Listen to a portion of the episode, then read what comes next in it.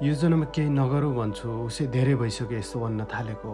तर मानवीय दैनिक त्यसरी चलाउन बडो मुस्किल छ। विप्लव प्रत्येक कुनै पत्रिकाको हरफमा पढ्दै थिएँ। खाना बनाउनु छ ज्यानमा पानी मात्रै भए पनि खनाउनु छ। उफ फेरि कसैले मोबाइलमा घन्टी बजायो। मान्छेलाई आफ्नै कुरा सुनाउन हतारो छ। दुई चार बातै नगरी धरै छैन। यावत दैनिकीका बिच विप्लव प्रत्येक पढ्नै योजना गर्नुपर्छ। खाना नखाए पेटले मान्दैन बनाउनु पर्छ ननुहाए शरीरले मान्दैन बास्ना छोडेर विद्रोह गर्छ। अझ मुख्य त निधाउनु पर्छ समयमा ननिधाए भोलि समयमा उठ्न सकिँदैन। समयमा नउठे कम्पनी समयमा पुगिँदैन। जिन्दगी यावत समस्याले जकडिएको छ। यस्तोमा योजना नभए जिन्दगी त घाङ्से खोलामा जान्छ बडै घाङ्से खोला। मुस्किल छ। जिन्दगी बडो मुस्किल छ।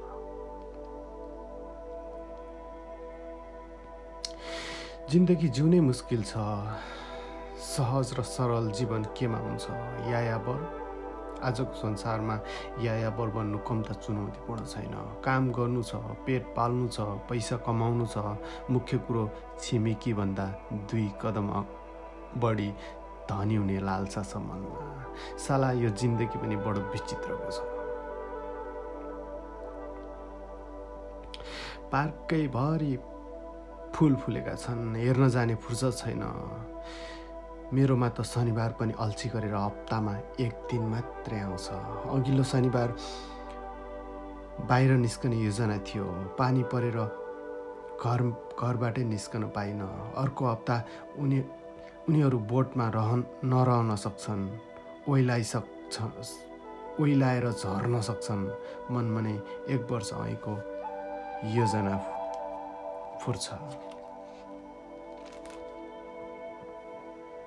केही छैन उनीहरू फेरि अर्को वर्ष आउनेछन् हाँगाभरि नै छन् बोट बोटैभरि बोटैभरि हुनेछन् हेर्न जानुपर्छ रमाइलो गर्नुपर्छ। काम गर्ने ठाउँको सिलिङमा अठाएर राखिएको तारमा एक जोडी परेवा बस्छन्। कुमार नगरकोटीको संस्मरणात्मक किताब दोचामा उनको झ्याल नजिकै बस्ने एक जोडी परेवा लेरी किम्या र उनको प्रेमी ज्याक निकोल्सनको नाम जुराउने सन्दर्भ खुब जहनमा बसेको थियो। मैले पनि आफू ज्याक र निकोल्सन मैले पनि आफू ज्याक निकोल्सन र मेरी हुनेवाला हुनेवाली लेडी किम्या भएको कल्पना गर्दै उसको नाम लेडी किम्या राखेको थिएँ। एकताका मेरो फोनमा लेडी किम्याको खुब फोन आउँथ्यो। समय समयका बातै। खैर आजभोलि आउँदैन। फोनमा भने लेडी किम्या भनेर सेभ गरेको नाम अझै बाँकी छ। कुमार नगरकोटीको पुस्तकमा परेवा र पत्नी सावित्री र छोरा रिम्पुचेसँगका सन्दर्भ मलाई खुब मन परेका थिए। कसैले कहिलेकाहीँ सोध्छु यिनीहरूको पनि निवारण गरिदिन्। हिजो आज उनीहरूको गर्भाधान गर्ने पिरियड चल्दैछ।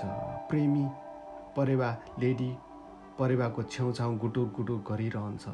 शनिबार बिदा थियो। आइतबार जाँदा देखे उनीहरू झिझा झिझी बट बटुल बाटुल पारेर घर जोडजाड गरिरहेका थिए।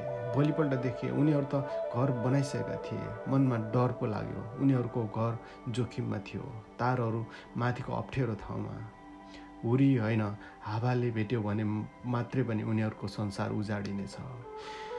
कामना गरे त्यस्तो नहोस्। उता बारा र पर्सामा कैयौँको घर उजाडिएको छ र त्यो घटना टुलटुल हेरिरहनु परेको छ यता।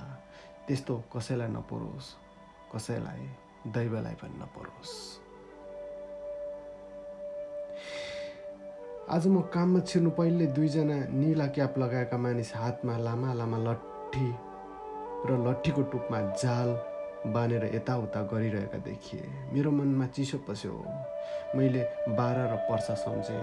पत्रिकामा आएका कारुणिक तस्बिर सम्झेँ। मेरो मनमा परे परेको चिसो बढेर कठाङ्ग्रिँदो जाडो बन्यो। तिनीहरू परेवा सिकारी थिए। उनीहरूलाई परे परेवा फो फोहोर गर्छन् भन्ने लाग्दो रहेछ। सबैभन्दा पहिले उनीहरूको घर हेरेँ त्यो सुरक्षित थियो उनीहरू मेरै छेउछाउ पनि आइपुगे परेवा खोज्दै यदि उनीहरू परेवाको गुणबारे मलाई सोधे भने मरिगए नबताउने प्रण मनमने गरे खैर उनीहरू मलाई केही सोधेनन् गए मनमा राहत राहत भयो लेडी परे परेवा गुणमा थिए प्रेमी परेवा छेउमै बसिरहेको थियो प्रेमिकालाई पहरा दिइरहेको हुँदो हो कि? सिकारीहरू कता गए पनि खान तलासी अरूतिर पनि गर्नु थियो कि? मलाई उनीहरू सिकारीभन्दा पनि हत्यारा झैँ लागे।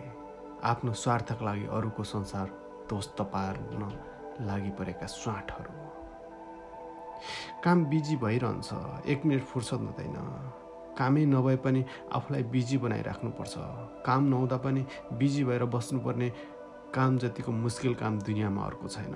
यताको संस्कारै यस्तै छ। काम गरिरहनुपर्छ काम गराइरहनुपर्छ आफूलाई। कामकै बिचबिचमा मेरो नजर जोडी परेका घर वरिपर डुलिरहन्छ। पहिले प्रेमी परेवा खुब गुटुर गुटुर गर्थ्यो आजभोलि ऊ मौन छ। प्रेमिकाकै छेउछाउ बसिरहेको हुन्छ शान्त। बिचरालाई कति डर होला? ती सिकारीहरूको सिकारीहरूको जो उनीहरूको गुण भत्काएर उनीहरूलाई लखेट्न चाहन्छन्। आज बुधबार आक्कल झुक्कलको छुट्टी नत्र सधैँ त काममा जानुपर्छ। मौसम पनि सफा छ। जाडो सकिएर गर्मी सुरु हुने बेलाको दिन बहुत खुलेको छ। साकुरा लगभग झरिसके। आँगामा नयाँ पालुवा आउन आउन सुरु भइसके।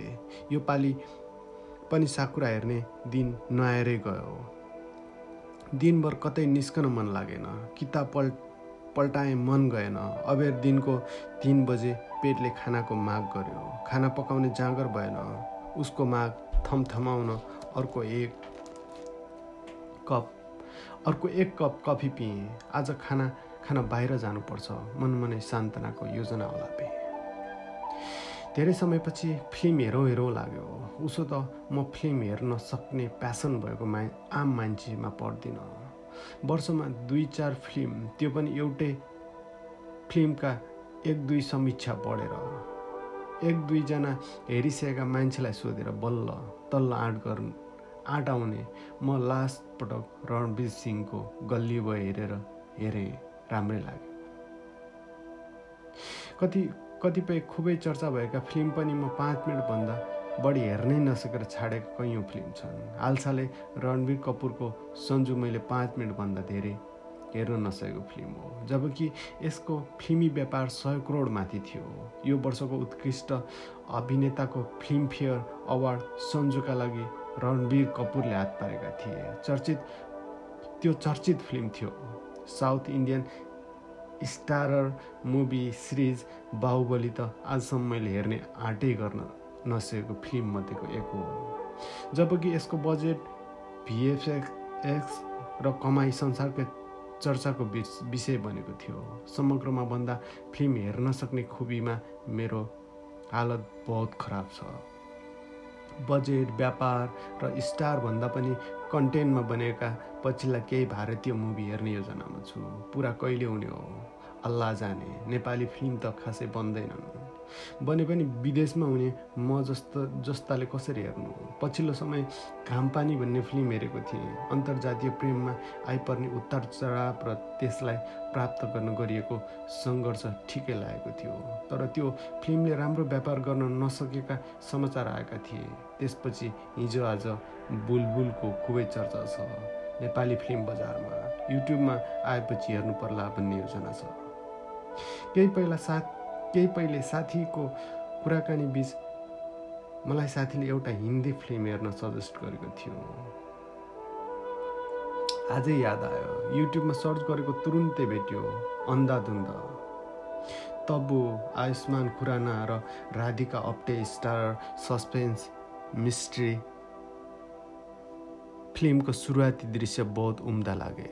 बिचमा पुगेर पुगेर अलिकति बरालिएँ पनि बरालिए पनि कथाको ल्यान्डिङ सेफ थियो। त्यो मलाई ठिकै लागेको फिल्म थियो। कोरियाली निन्द्रा देवी सायद पाताला निन्द्रा देवीहरूकी राजकुमारी हुन् जो रिचार्ज कार्ड लिएर गच्छ अनुसारका अनुसार आगन्तुकलाई स्लिपिङ ट्याब दिन्छन्। नारायण वाग्लेले आफ्नो नयाँ किताब कोरियाना कफी गफमा भने चाहिँ मलाई पनि यताकी राजकुमारीले कति बेला स्लिपिङ ट्याब्लेट दिइछन् पत्तै भएर। म बाक्लो निन्द्रामा परेछु। काम अस्ताइसकेको थियो। सडक लाइटको प्रकाशले कोठामा प्रकाशले कोठामा उज्यालो दिएको थियो। बिउजदा म एउटा दुस्वप्नसहित बिउजेछु। कोठा झिसमिसे बिहान जस्तो थियो। घडी हेरेको रात घडी हेरे रातको आठ बजिसकेको थियो। मलाई मैले काम गर्ने ठाउँमा गुण गुण बनाई बस्ने एकजोडी परेवा खुब याद आयो। म सधैँ चाहिँ बिहान काममा गएँ। प्रेमी परेवा उस उनीहरूले गुण बनाइ बसेको तारभन्दा अलिक पर बसिरहेको थियो। मैले झटपट मेरा नजर उनीहरूको गुण भएको ठाउँतिर दौडाएँ। त्यहाँ गुण थिएन।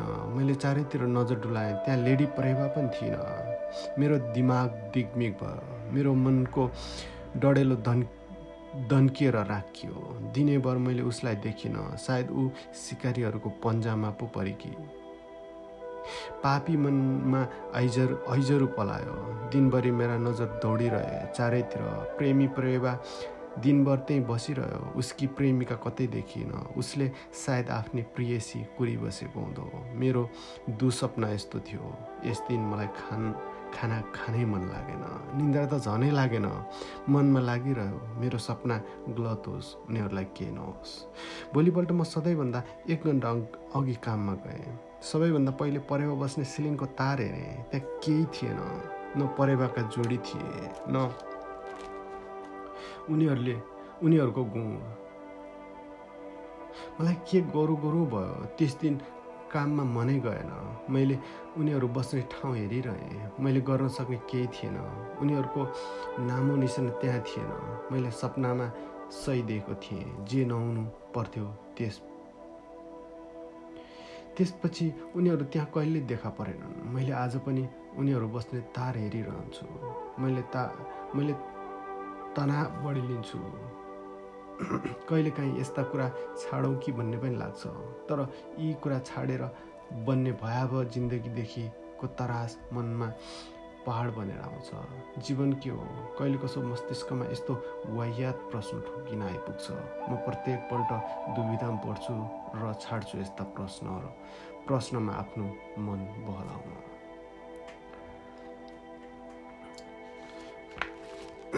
यो एउटा डायरी थियो। मैले लगभग दुई वर्ष अगाडि जति लेखेको।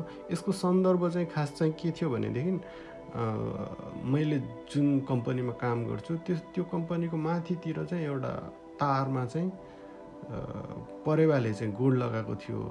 अनि त्यो कम्पनीको मान्छेहरूलाई चाहिँ के लाग्दो रहेछ भने चाहिँ त्यो परेवाले चाहिँ दिशा गरिदिएर चाहिँ त्यहाँ फोहोर बनाउँछ भन्ने लाग्दो रहेछ। त्यही भएर उनीहरूले त्यसलाई चाहिँ धपाइरहेको थिए मलाई त्यो कुराले चाहिँ एकदमै मनमा चाहिँ टच गरिरहेको थियो। किनभनेदेखि चाहिँ मान्छेलाई के लाग्छ भने यो चाहिँ हाम्रो मात्रै हो। यो संसार हामीले प्रयोग गर्ने चिज हाम्रा मात्रै हुन् भन्ने मान्छेलाई फिल हुन्छ। तर कहिलेकाहीँ यसो सोचेर हेर्दा यो यो यो संसार यो पृथ्वी मान्छेको जति हो चराचुरुङ्गीको पनि त्यति हो। अरू जनावरको पनि त्यति हो भनेर हामीले चाहिँ कहिल्यै सोच्दैनौँ। अनि त्यो कुराले चाहिँ मलाई चाहिँ एकदम एकदमै त्यति बेला चाहिँ टच गरेको थियो र त्यही बेलामा लेखेको यो डायरी तपाईँलाई आज मैले सुनाएँ। कस्तो लाग्यो? बाँकी कुरा। तपाईँले मलाई भन्नु होला